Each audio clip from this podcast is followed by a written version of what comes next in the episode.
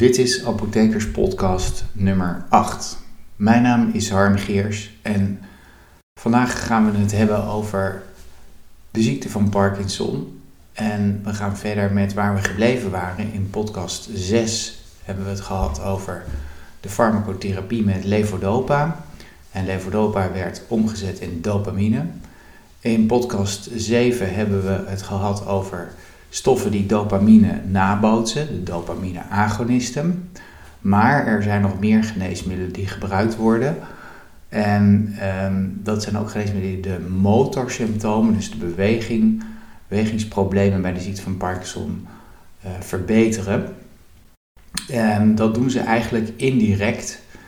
Um, ze zorgen eigenlijk uh, voor een groot gedeelte dat de dopamine die geproduceerd wordt minder wordt afgebroken, waardoor er meer beschikbaar is.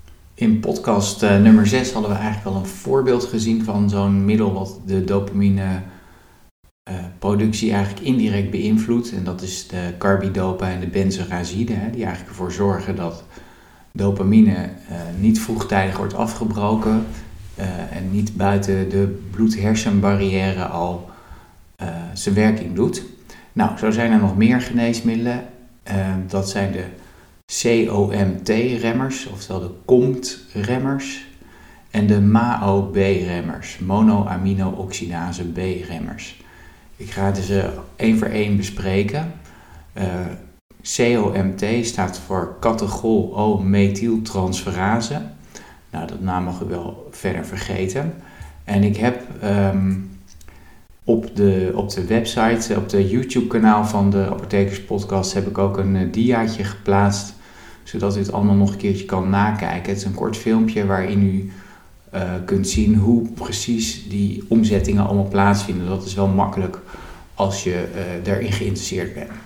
Maar wat die COMT-remmers eigenlijk doen, die zorgen eigenlijk dat buiten de hersenen levodopa niet wordt omgezet in een niet werkzame stof. Dus COMT is een enzym, catechol-O-methyltransferase, die levodopa omzet in een niet werkzame stof. Dus met andere woorden, als die COMT actief is, dan, wordt er de, dan gaat de levodopa wordt eigenlijk uh, omgezet in een niet actieve stof en daardoor wordt er minder dopamine uiteindelijk geproduceerd. Dus als je dat enzym remt, dat COMT remt, komt remt, via een komtremmer, dan heb je uiteindelijk uh, levert dat meer, blijft er meer levodopa beschikbaar. En de levodopa die dan beschikbaar is, die kan dan worden opgenomen in de hersenen, waardoor het middel beter gaat werken, waardoor er meer levodopa uiteindelijk wordt omgezet in dopamine. Uh, komt of COMT is ook werkzaam binnen de hersenen. Alleen de COMT-remmers werken niet, die, die komen niet door de, de, die, die barrière heen tussen het bloed en de hersenen. Die bloed-hersenbarrière, daar komen ze niet doorheen. Dus ze werken eigenlijk alleen maar buiten de bloed-hersenbarrière. En die COMT-remmers die worden gebruikt bij of-periodes om ervoor te zorgen dat er meer levodopa de hersenen binnendringt. En daardoor kan er meer dopamine gevormd worden. Dus eigenlijk zorgen ze indirect voor een verhoogde hoeveelheid dopamine in de hersenen. En er zijn uh, een aantal COMT-remmers. Je hebt entacapon, dat staat bekend onder de merknaam Comtan. Je hebt opicapon, dat is Ongentis. En tolcapon, Tasmaar. En tolcapon wordt eigenlijk in Nederland niet meer gebruikt omdat het in verband is gebracht met uh, ernstige leverschade. Um, dus het wordt eigenlijk daardoor nauwelijks nog voorgeschreven. Opicapon is vrij nieuw. Ik heb er nog geen recepten van gehad, maar entacapon of Comptan wordt wel regelmatig voorgeschreven. Um, en dat entacapon dat bevat vooral, is, is vooral een onderdeel van een vaste combinatie. Onder, bekend onder de merknaam in Nederland onder de naam Stalevo. En dat bevat levodopa, carbidopa en entacapon. Nou, en als dan die levodopa uiteindelijk de bloed-hersenbarrière gepasseerd is en zich in de hersenen bevindt, dan wordt die levodopa omgezet in dopamine, maar wordt ook onschadelijk gemaakt door catechol-O-methyltransferase, dus door COMT. Maar binnen de bloedhersenbarrière kunnen die, eh, die remmers niet hun werk doen. Maar daar heb je weer ook nog een andere enzym wat de levodopa en de dopamine onschadelijk maakt. Dat is namelijk monoamino-oxidase B, oftewel MAOB. MAOB zet uh, dopamine om ook weer in een niet werkzame stof. En daardoor neemt dus de werking van dopamine in de hersenen af. Als je dan een middel geeft wat dat afbraakenzym, dat MAOB, remt, terwijl een MAOB-remmer, dan neemt de hoeveelheid dopamine binnen de bloedhersenbarrière, dus binnen de hersenen, neemt dan toe, waardoor er minder snel of-periodes ontstaan.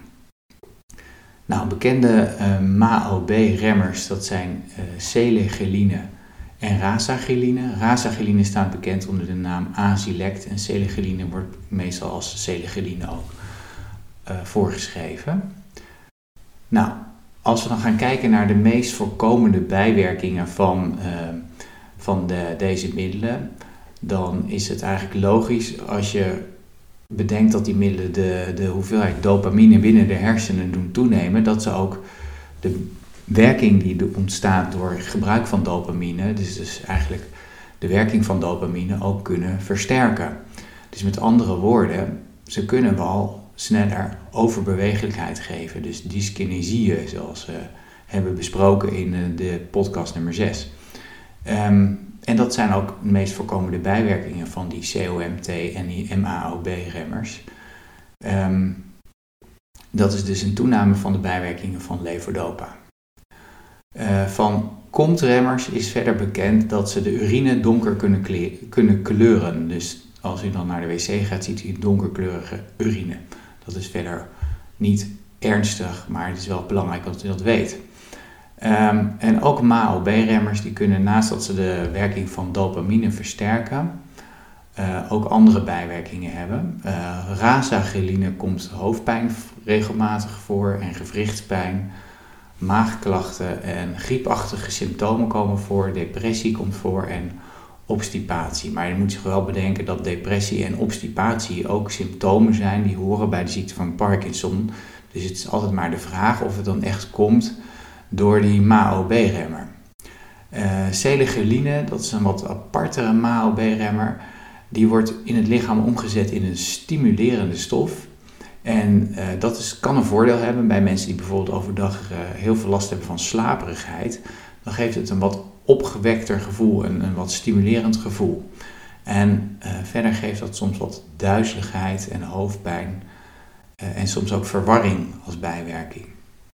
Over het algemeen zijn die bijwerkingen mild van aard hoor. Dus het is niet iets om, uh, om heel erg veel zorgen over te maken. En het is ook zo dat die bijwerkingen vaak minder worden in de loop van de tijd en u ook niet alle bijwerkingen krijgt. Nou, ehm, wat we verder nog hebben aan geneesmiddelen die de, die de motorische problemen bij de ziekte van Parkinson kunnen aanpakken dat zijn de geneesmiddelen die eigenlijk uit de overige groepen komen, die eigenlijk niks meer doen met uh, dopamine. Uh, dat zijn amantadine. Amantadine dat is bekend onder de naam Simetrel. Um, en dat wordt eigenlijk gebruikt bij mensen die last hebben van overbewegelijkheid, dus van dyskinesieën. Um, amantadine dat, um, dat blokkeert de werking van uh, glutamaat in de hersenen. Glutamaat is dan een, stof die ook iets doet met de, met de afgifte en de, de, de afgifte van dopamine. Maar men weet niet heel erg goed hoe dat amantadine exact werkt. Um, het blijkt wel heel effectief te zijn in het bestrijden van die dyskinesieën. Um, het lijkt ook iets te doen met de, met de dopamine, maar wat het precies doet is niet helemaal bekend. Um, van amantadine moet, moet altijd rekening worden gehouden dat als mensen dat gebruiken, dat dat veelal bij jonge mensen gebruikt wordt, omdat het uh, soms ook kan zorgen voor hallucinaties en verwarring. Dus dat is belangrijk om te weten. Nou, verder wordt de bij, bij, bij mensen die last hebben van een tremor, van trillen in de handen, wordt soms propranolol voorgeschreven. En uh, propranolol, dat is een uh, beta-blokker. En um, die beta-blokker hebben vaak wat beïnvloeding van die tremor. Maar de tremor is altijd heel erg moeilijk um, te bestrijden met geneesmiddelen.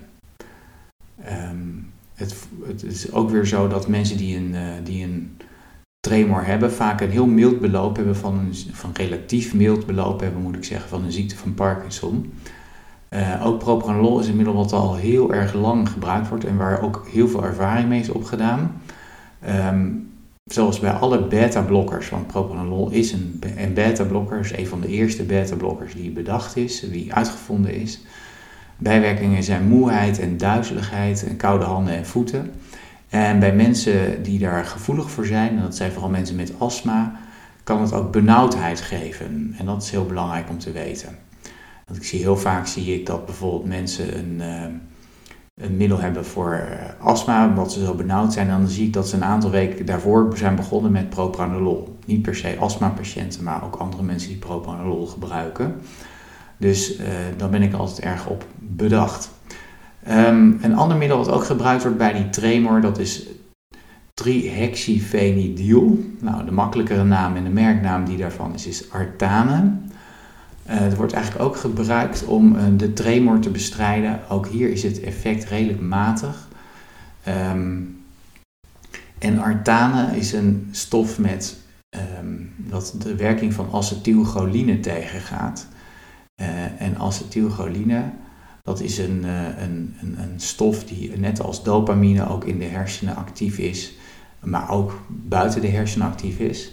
En die men in verband brengt met het, uh, het ontwikkelen van zo'n uh, tremor. Um, het nadeel is dat als acetylcholine wordt tegengewerkt, dan krijg je zogenaamde anticholinerge bijwerkingen. En anticholinerge bijwerkingen, dat zijn droge mond, obstipatie, hallucinaties, um, verminderde cognitie, dus minder uh, goed kunnen nadenken, zeg maar. Het vasthouden van urine, wazig zien. En daarom wordt die trihexyphenidyl eigenlijk niet heel veel gebruikt. En wordt het vooral gebruikt bij jongere mensen die last hebben van zo'n tremor. Omdat met name oudere mensen heel erg veel last hebben van die anticholinerge bijwerkingen. En die anticholinerge bijwerkingen ook potentieel uh, nadelig kunnen, kunnen zijn. Nou, zoals ik al zei, uh, dit is best ingewikkeld. Ik kan me voorstellen dat u dat nog even rustig wil bekijken. Ik heb op, uh, op ons YouTube-kanaal heb ik een, um, een plaatje met een kort filmpje met uitleggen gegeven over hoe dat nu precies werkt met levodopa buiten de hersenen en binnen de hersenen. En dat is soms wel handiger om even te kijken. Dus voor degene die daarin geïnteresseerd is, kunt u binnen YouTube zoeken op Apothekerspodcast. Of u kunt gebruik maken van de link die staat in de beschrijving van deze podcast. Um, verder ben ik heel erg benieuwd of u uh, nog. Of, want het is voor mij heel erg lastig om te bepalen of ik de podcast te moeilijk maak of juist te makkelijk maak. En ik zou het heel fijn vinden als, u, uh, als het u lukt om, uh, om mij wat feedback te geven. Dat kan via Twitter. Ik ben harmgeers. En u kunt mij ook een mailtje sturen. Als u een mail stuurt met feedback en u vindt dat, wilt dat graag doen, dan zou ik dat zeer waarderen. Want dan kan ik mijn podcast telkens verbeteren. En mijn mailadres is harmgeers.gmail.com. En dan harmgeers, gewoon naar elkaar, at gmail.com. Nou, in deze podcast hebben we de meeste middelen bij, de motorsymptomen behandeld. En er zijn nog veel meer geneesmiddelen die gebruikt worden bij de ziekte van Parkinson, bij de niet-motorsymptomen. En dat is het onderwerp van de volgende podcast. En ik hoop dat u uh, deze podcast leuk vond. En als u dat vond, nou, geef het dan vooral door aan vrienden en bekenden. En um, ik hoop dat u weer naar de volgende podcast komt luisteren. Dank u wel.